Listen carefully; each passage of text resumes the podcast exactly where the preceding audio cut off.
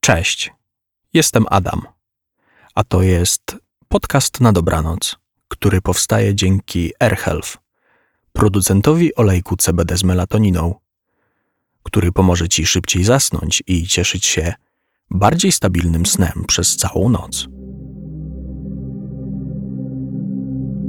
Ostatnie tygodnie nieustannie wypełniał wiatr wyjący w rynnach.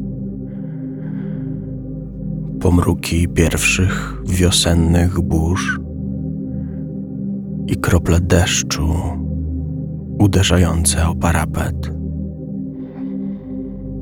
Dni wydłużały się, wyciągając przed siebie nieznane dotąd godziny.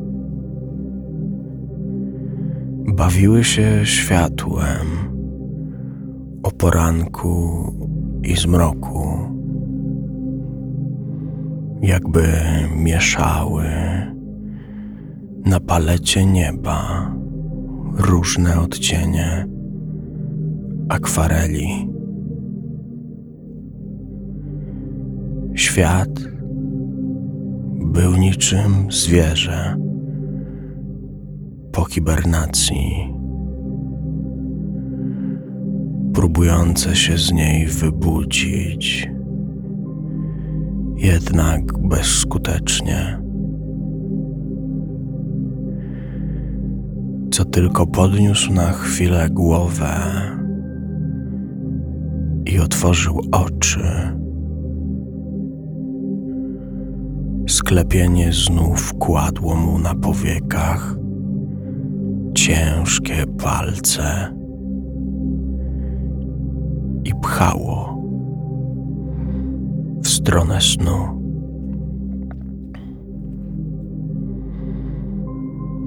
Mogę chyba śmiało stwierdzić,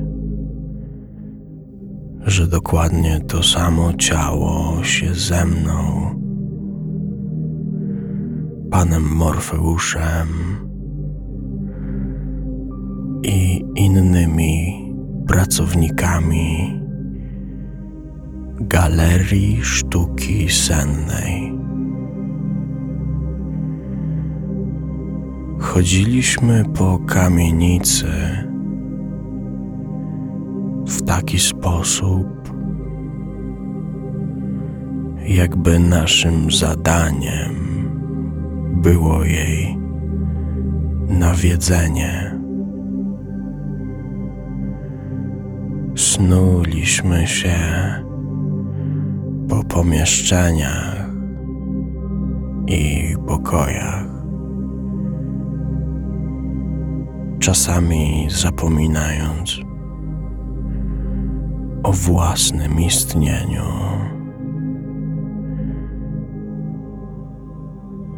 Z przestrachem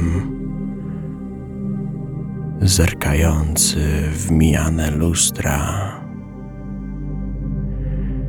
jakbyśmy nie spodziewali się nikogo w nich zobaczyć.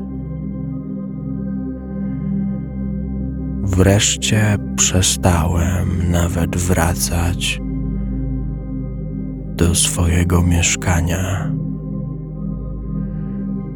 w którym wcześniej spędzałem codziennie czas na obfitych śniadaniach i popołudniowych drzemkach.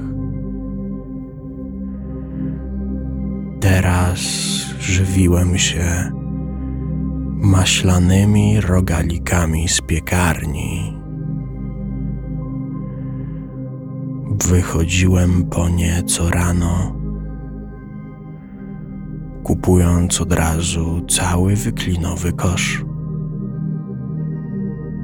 Rozchodziły się po pracownikach, jak to świeże bułki, błyskawicznie. Kiedy nie było ludzi, piliśmy wspólnie kawę gromadząc się przy szatni. Każdy siorbał ze swojej niepasującej do pozostałych filiżanki i w każdym czaiła się trudna do poskromienia senność, ale też błoga łagodność, której wcześniej w swoim dorosłym życiu nie mogłem nigdzie znaleźć.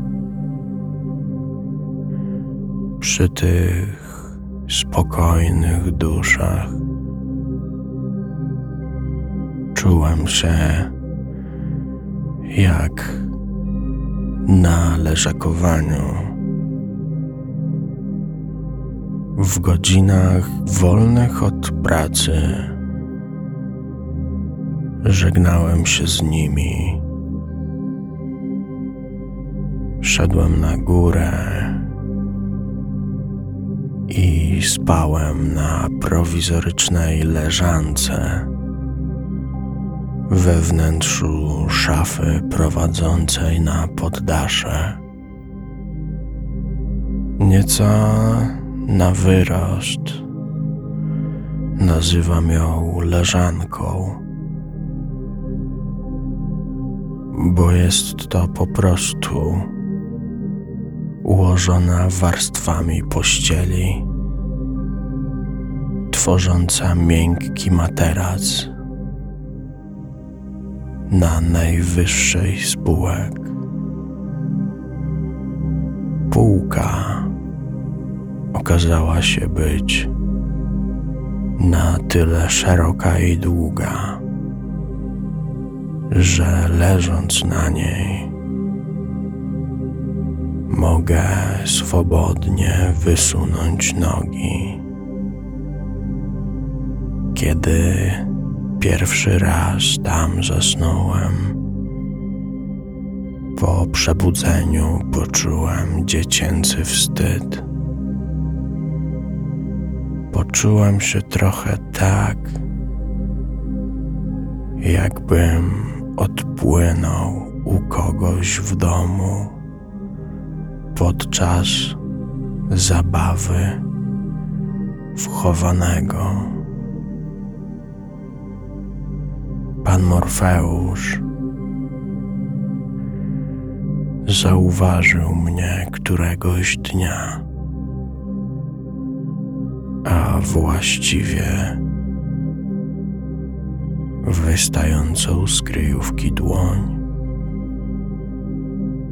ale pokręcił tylko głową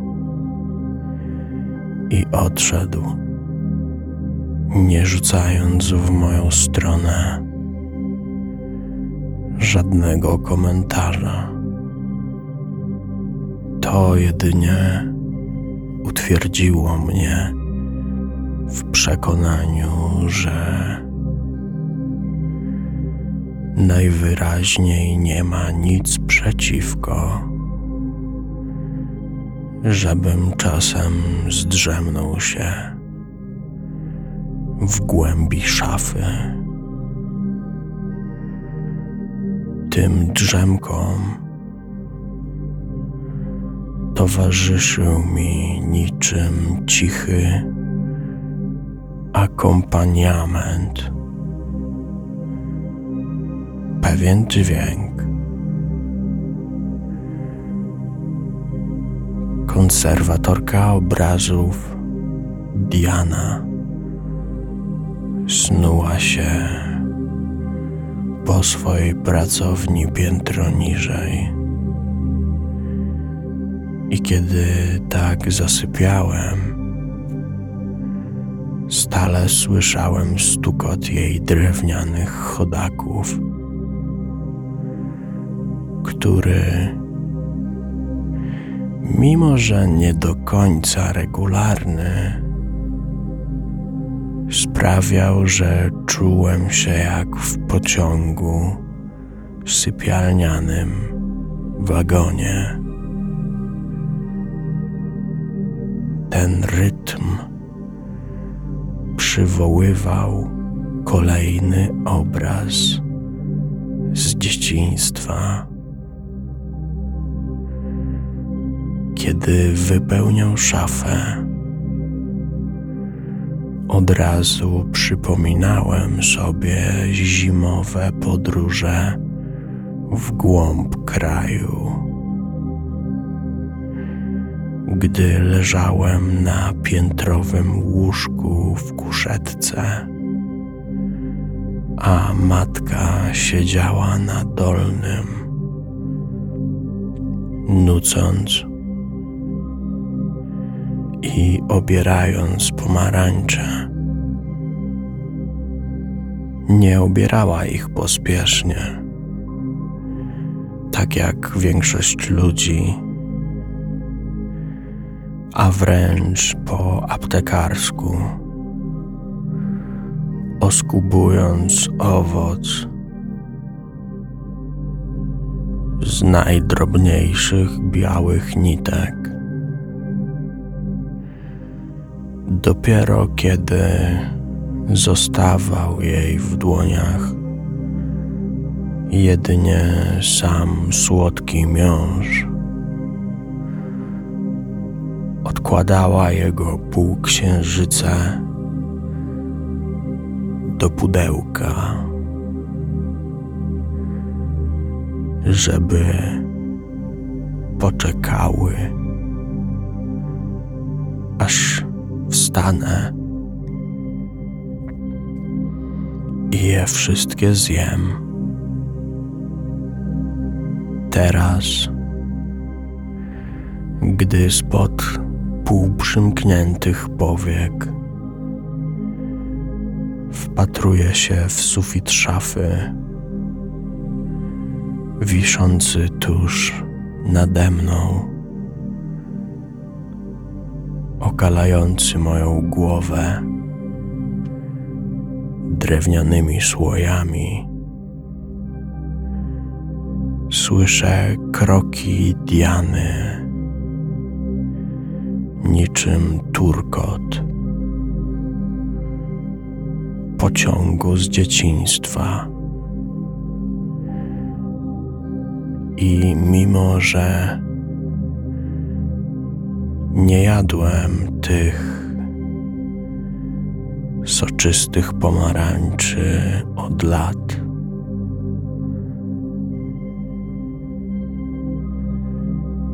Dzisiaj wciąż czuję ich zapach.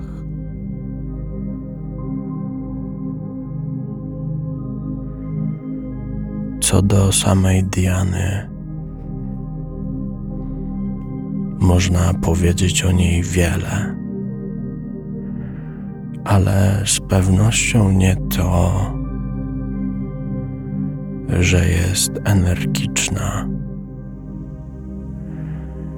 Jej kroki są leniwe i zawsze krząta się po swojej pracowni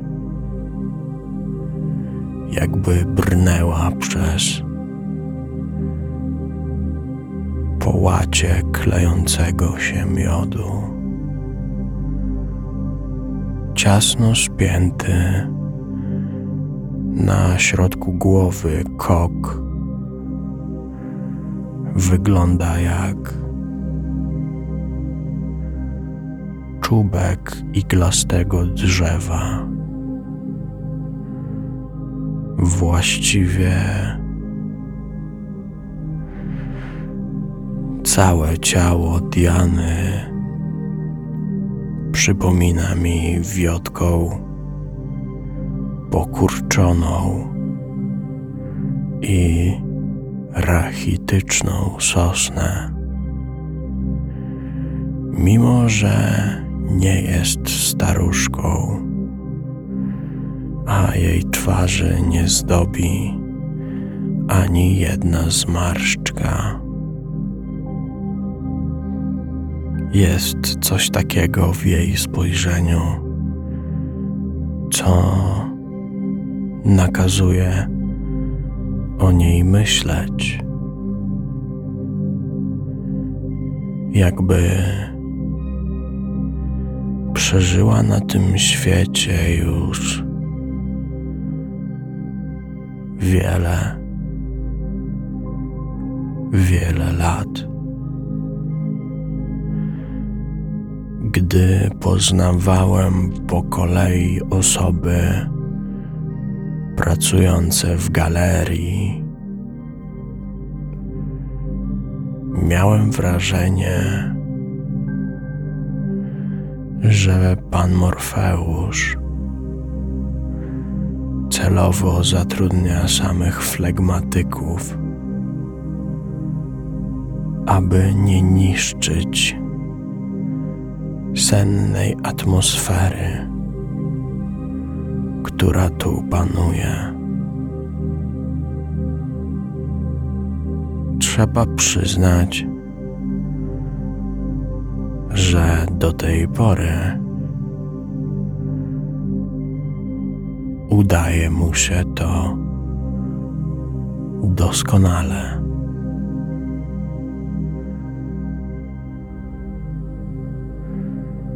Poza Dianą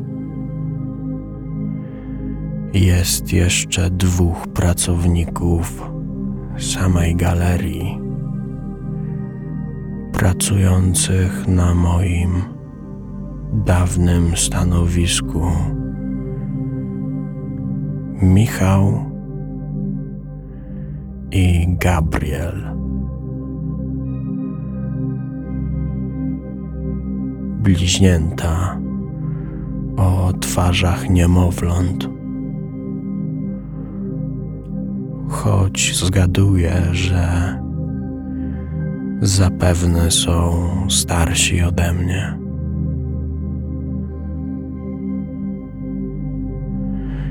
Kiedy mówią, co nie zdarza się zbyt często,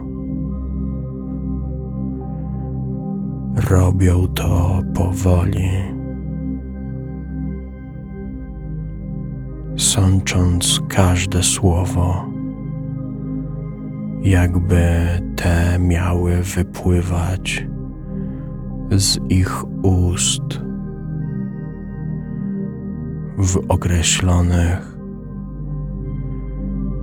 i skrupulatnie odmierzonych dawkach.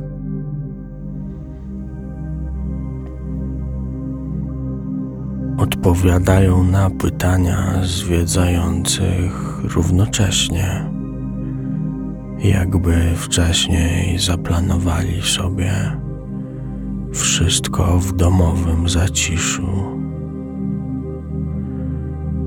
Gdy sprzątają salę, robią to symultanicznie. Michał tańczy z mopem w lewym skrzydle galerii. Gabriel prawem.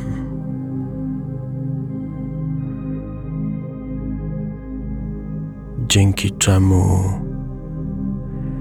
mycie parkietów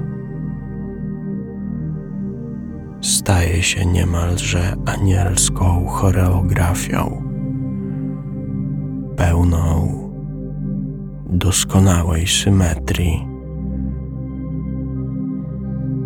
Diana i bliźnięta pracują w części dziennej, a w nocnej oprócz mnie i pana Morfeusza jest jeszcze olbrzym, będący ochroniarzem. On sam kazał mówić o sobie w ten sposób. nikt nie wie, jak brzmi jego prawdziwe imię. Ale nigdy też nikt o to nie zapytał. Olbrzym jest, naprawdę ogromny i każdy krok, który stawia, wywołuje drgania podłogi w całej galerii. Za dnia skazany więc jestem na wrażenia, jakbym podróżował pociągiem. Nocą zaś czuję, jakby tramwaj przejeżdżał mi nad głową. Nie śmiałbym jednak narzekać, bo zarówno olbrzym, Diana, jak i bliźnięta są obecnie dla mnie trochę jak przyszywana rodzina. I nieważne, że zamieniliśmy ze sobą łącznie zapewne kilkanaście zdań. Galeria sztuki sennej jest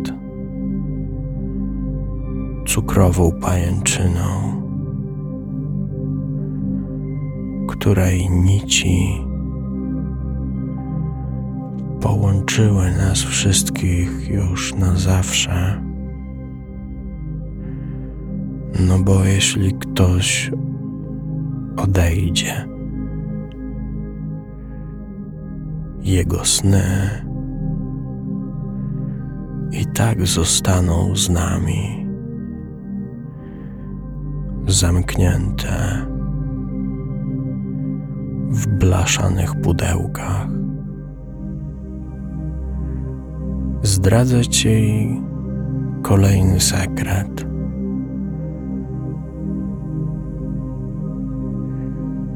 Wcześniej wspominałem o tym, że pan Morfeusz z premedytacją przyjmuje do pracy osoby flegmatyczne. Jednak Rozmowa kwalifikacyjna stanowczo odbiega od standardowej. Możesz się domyślać, w jaki sposób mój mentor, król snów, sprawdza, czy dana osoba nadaje się, by dołączyć do galerii sztuki sennej. Bliźnięta zatrudniono, kiedy już tutaj byłem. Natomiast Diana i Olbrzym pracują o wiele dłużej niż ja. Pan Morfeusz w ramach szkolenia na poddaszu pokazywał mi szczegółowe działania somnoskopu właśnie przy pomocy snów swoich pracowników. To ich sny kwalifikacyjne, powiedział wówczas, wyciągając z magazynu dwa blaszane pudełka, podpisane ich imionami. Wtedy jeszcze nie mogłem pojąć, jak czyjś sen miałby zdecydować o jego zawodowym losie. zastanawiałem się, czego można się dowiedzieć o człowieku, o jego zdolnościach do wykonywania danej pracy, obserwując jeden przypadkowy sen z jego życia. Kiedy somnoskop włączył się tamtego dnia i w okularze ujrzałem kobiece dłonie w rękawiczkach, zacząłem rozumieć. Po płynnych ruchach palców wywnioskowałem, że to dłonie Diany. Kadr, który widziałem, był jej perspektywą, więc można by stwierdzić, że śniła w sposób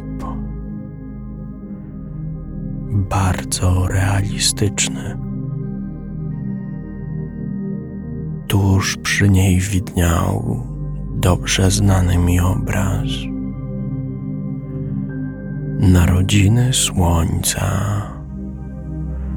były jednak w stanie o wiele gorszym niż obecnie.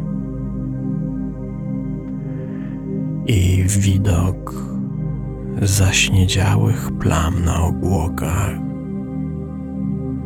wywołał skurcz w moim żołądku. W miejscu, w którym zieleń trawy mieszała się z bladością nieba. Widniało za to sporej długości pęknięcie. Samo otoczenie poza obrazem nie było mi znane.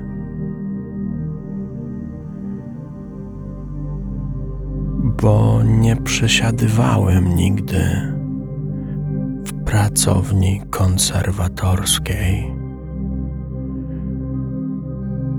Wszędzie rozciągał się złocisty brąz ścian,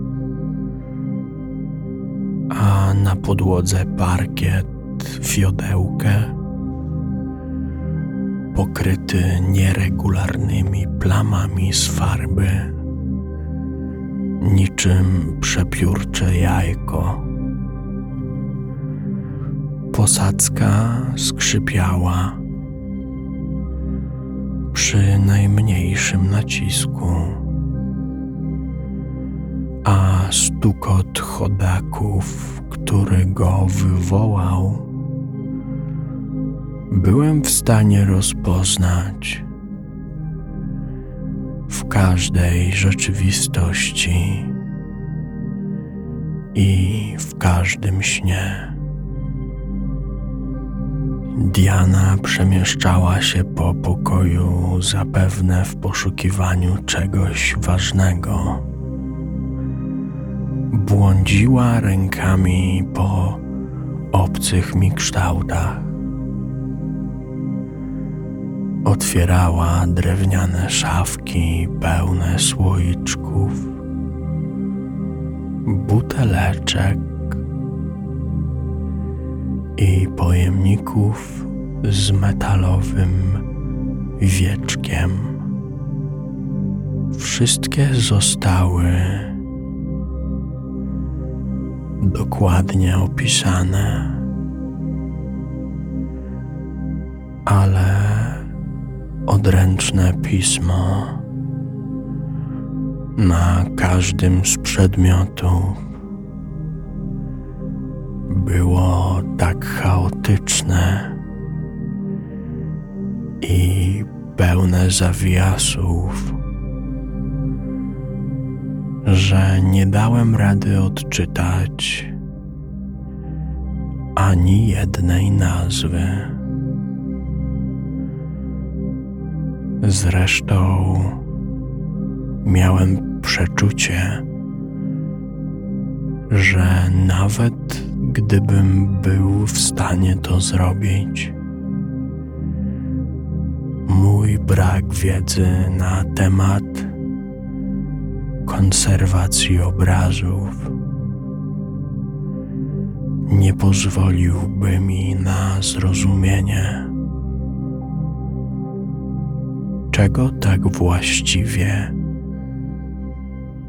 jestem teraz świadkiem. Nagle Diana wróciła do obrazu. Jej wzrok skupił się na moim ukochanym niebie, słońcu i ziemi, która właśnie się rodziła. Prawa dłoń sięgnęła po pędzel i posuwistymi ruchami zaczęła omiatać włosiem płótno. Przyjemny dreszcz przebiegł mi po plecach, zupełnie jakby to mnie zaczęła łaskotać. Ten gest był jednostajny i regularny, w przeciwieństwie do jej wcześniejszych kroków. Trwało to wszystko tak długo, a zarazem wydawało się tak precyzyjne i opanowane, że sam widok tańca pędzla na płótnie sprawił, że poczułem senność. Oczyszczanie obrazu kurzu i innych sypkich zabrudzeń okazało się czynnością wprost idealnie nadającą się do wprowadzenia kogoś w stan niemal hipnotyczny. Wtedy też po raz pierwszy usłyszałem we śnie czyjś monolog. Diana zaczęła mówić sama do siebie lub do kogoś niewidocznego, kogoś poza zasięgiem jej wzroku. Słońce zostało wykonane techniką tłustej tempery i użyto do niej zaprawy klejowo-kredowej, kleju glutynowego, białka i żółtka jaja kurzego, dębowego drewna, grafitu, złota mineralnego w proszku bejcy oraz werniksu żywicznego damarowego.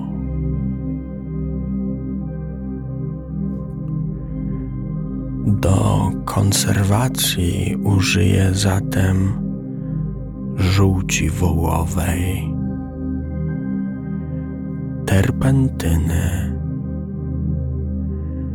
benzyny lakowej, werniksu matowego płynie. Zacząłem powoli zasypiać. I wtedy pan Morfeusz zaśmiał się wesoło. Już wiesz, dlaczego ją przyjąłem? Spytał, otwierając kolejne blaszane pudełko. A ja, usiłując się rozbudzić, pokiwałem głową. A teraz nasz kochany olbrzym, nie protestując, chociaż jedną powieką byłem już we własnym śnie. Ponownie przyłożyłem oko do okularu somnoskopu. Przez chwilę nie mogłem się odnaleźć. Miałem wrażenie, że oglądam wirtualną wystawę naszej galerii. Widziałem ściany w kolorze butelkowej zieleni, ciągnące się przez całe pomieszczenie głównej warstwy, a na nich pozłacane ramy ze znajomymi dziełami. Postać olbrzyma pojawiła się nagle z prawej strony. Minęła dziewczynkę pijącą księżyc przez słomkę, jezioro pod którego taflą urządza się nocny bal. Sąd motyli, gdzie na ławie oskarżonych zasiada wielka ćma. Później przyjęcie urodzinowe dla świec zdmuchujących ludzi z tortu. A na samym końcu narodziny słońca. Po drugiej stronie wisiała seria portretów postaci, które śniły się przez całe życie jednemu z francuskich awangardzistów i postanowił uwiecznić je wszystkie na płótnie. Pierwszy portret przedstawiał mężczyznę z głową żurawia. Drugi kobietę z mackami ośmiornicy zamiast kosmyków włosów. Trzeci przedstawiał starca w białej koszuli z papierosem w pomalowanych na rubinowo ustach. Z czwartego obrazu łypała na olbrzyma dziewczyna z trzema głowami. Każda z głów miała inny wyraz twarzy i inne oczy, jakby były zupełnie odrębnymi osobami, zamkniętymi w jednym ciele. Na piątym portrecie malarz namalował swoją matkę, której rysy zamienił jednak w niewyraźne maźnięcia pędzlem. Może zapomniał, jak wyglądała, a może choroba zabrała jej osobowość i próbował nam o tym powiedzieć. Szósty. I ostatni obraz był autoportretem. Olbrzym stanął przy nim i nagle zmarszczyłem brwi. Nie wierzyłem w to, co widziałem, ale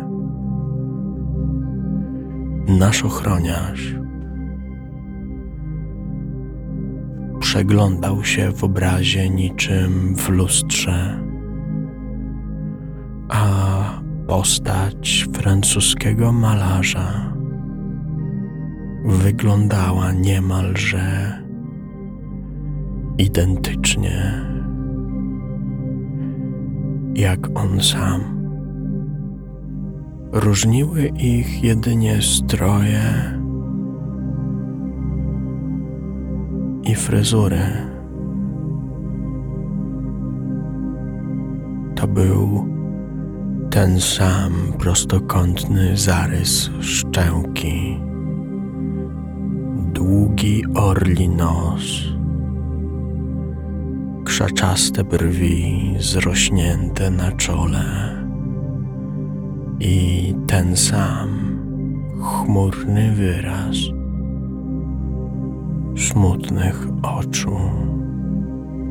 Ta sama postawa, te same szerokie barki, podniesione ramiona, jakby w wiecznym zdumieniu, oraz ta sama postura, jednocześnie budząca grozę i potrzebę troski o tę przedziwną istotę. Olbrzym przyłożył palec do obrazu, chociaż wiedziałem, że w prawdziwym życiu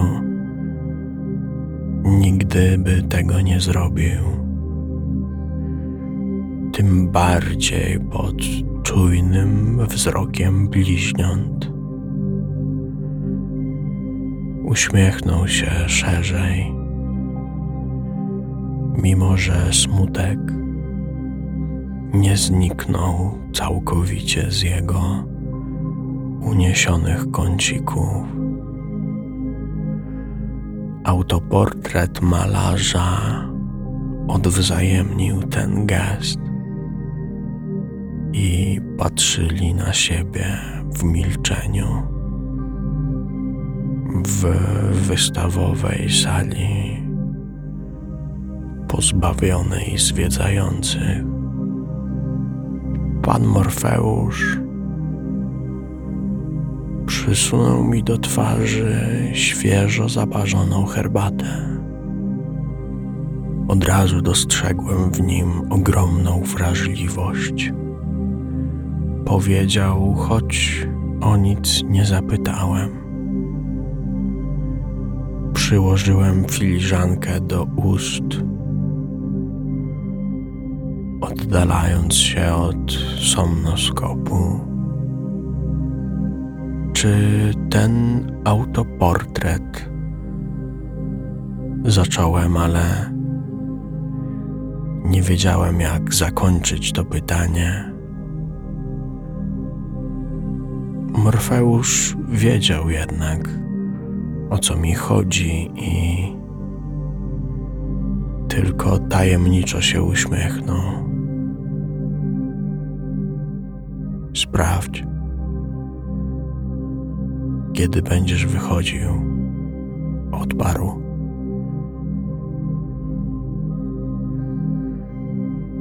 Popijając miętę, obejrzałem jeszcze sny bliźniąt. I chyba cię nie zdziwię,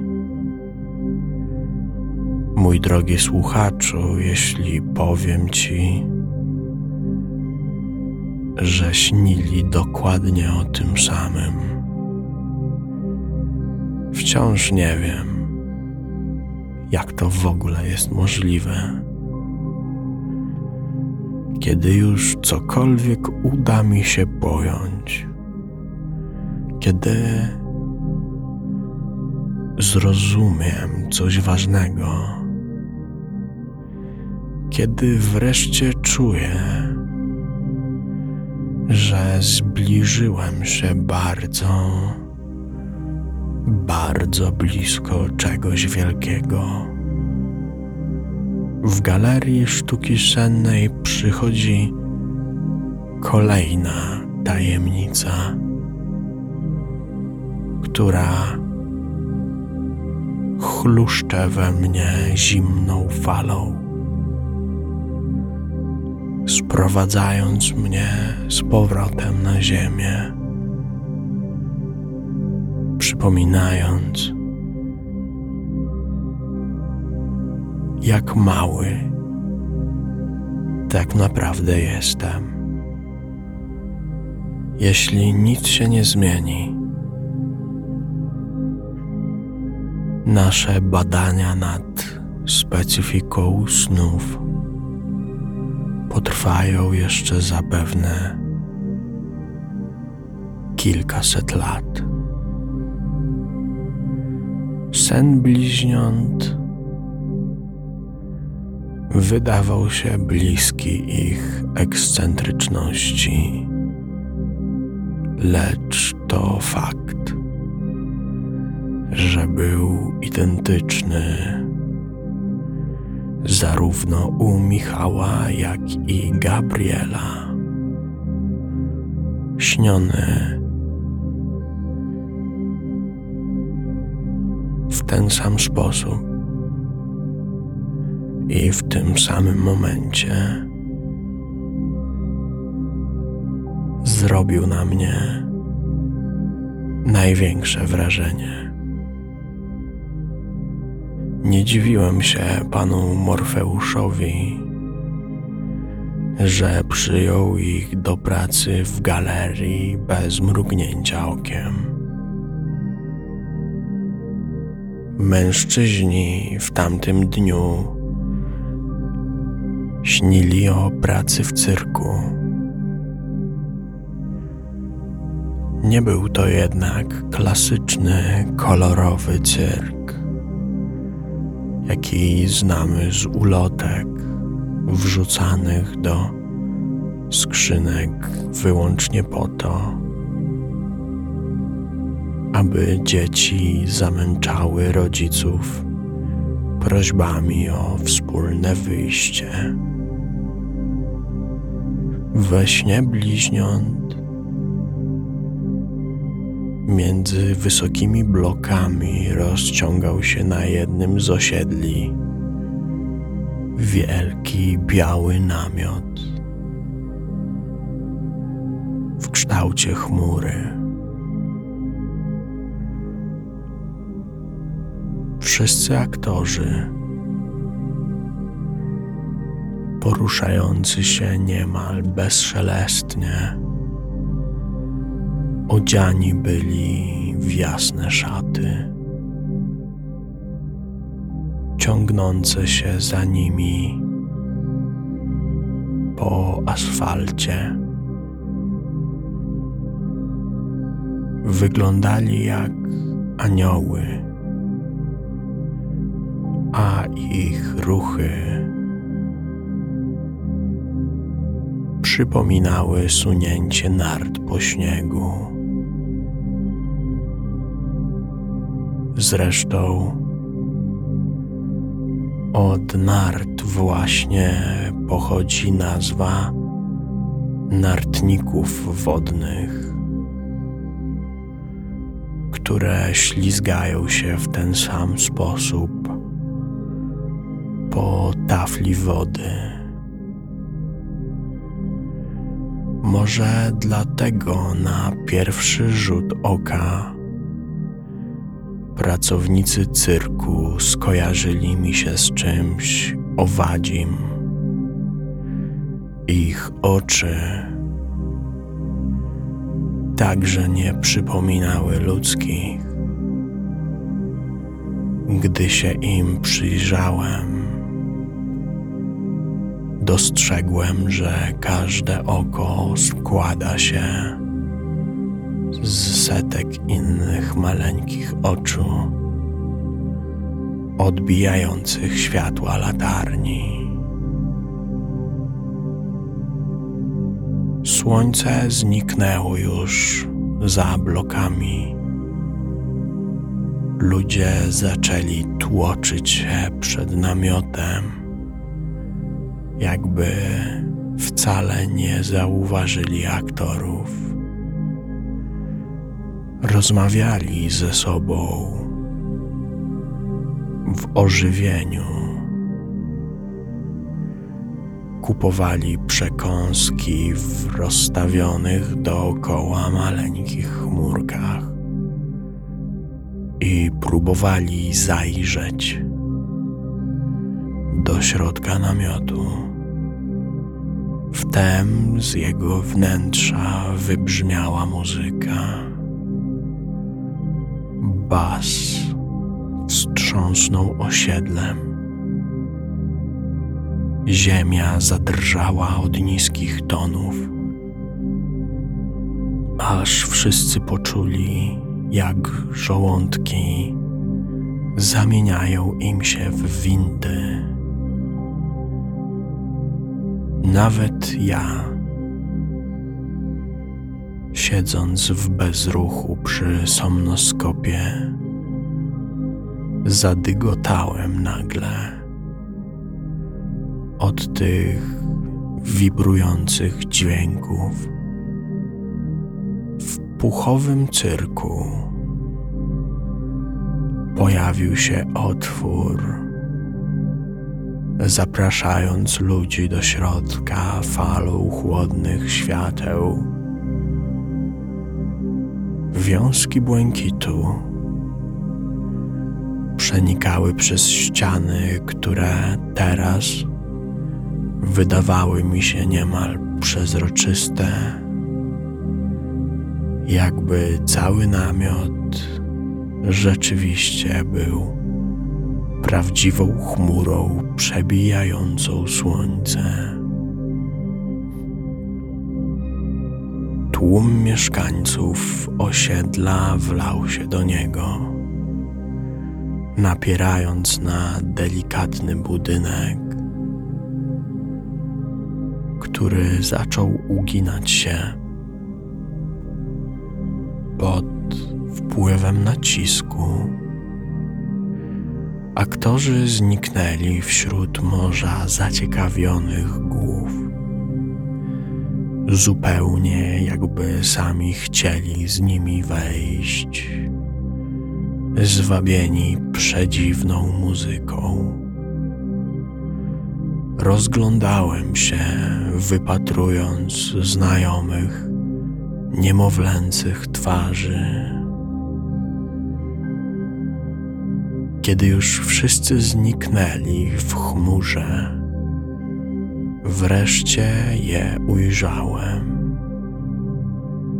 Michał i Gabriel. unosili się ponad widownią, machając skrzydłami, które wyrastały z ich łopatek. W rękach dzierżyli łuki. Po chwili ciszy bez ostrzeżenia zaczęli strzelać w ludzi miękkimi, złotymi strzałami, które rozbijały się o ich klatki piersiowe przyjemnym odgłosem, jaki mogłyby wydawać jedynie tysiące maleńkich dzwoneczków w kontakcie ze skórą.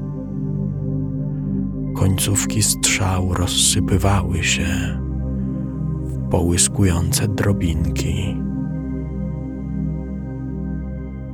a dotknięci ludzie zaczynali tańczyć i śmiać się w niebogłosy. Nawet nie wiedziałem, kiedy dokładnie cyrkowa arena przeistoczyła się w balową salę. Bliźnięta wydawały się być z siebie zadowolone. Schowały swoje łuki i oparły się o siebie plecami, patrząc z zadumą w publikę, którą właśnie pochłonęło jej własne szczęście. W powietrzu unosiła się jedna wspólna dla wszystkich myśl, że warto było tu dzisiaj przyjść. Odsunąłem się od somnoskopu. rozprostowując obolałe kości. Byłem ciekaw, jaki ja miałbym sen kwalifikacyjny. Podejrzewałem, że pod presją śniłbym o czymś absolutnie nieciekawym, albo może wcale bym nie zasnął. Podziękowałem panu Morfeuszowi za niesamowite doświadczenie i dopijając chłodną już miętę, zszedłem na sam dół kamienicy z filiżanką w dłoni. Nogi same zaprowadziły mnie na parter do głównej sali w galerii sztuki sennej. Minąłem pięć portretów francuskiego awangardzisty i przy szóstym zatrzymałem się. kiedy z narastającym oczekiwaniem uniosłem wzrok na płótno. Czułem bicie pulsu na szyi. Z pomiędzy ram patrzył na mnie olbrzym, uśmiechając się smutno w dziwnym fraku i zabawnej fryzurze. Jednak to był on. Nie dało się pomylić z nikim innym tej twarzy, która przeżyła zapewne już kilka żyć. Pokręciłem głową w milczeniu i odwzajemniłem uśmiech, wchodząc z powrotem na poddasze zerknąłem do jego kanciapy. spał głębokim snem i mógłbym przysiąc, że czułem przed chwilą, że to naprawdę z nim wymieniłem się uniesieniem kącików ust. Kiedy tylko ta myśl pojawiła się w mojej głowie, zobaczyłem, jak olbrzym uśmiecha się przez sen, a gałki wibrują mu pod powiekami. Przymknąłem od zewnątrz drzwi, żeby nie obudził go żaden dźwięk. Co do jednego miałem świętą rację. W tym miejscu już nic nie mogło mnie zdziwić.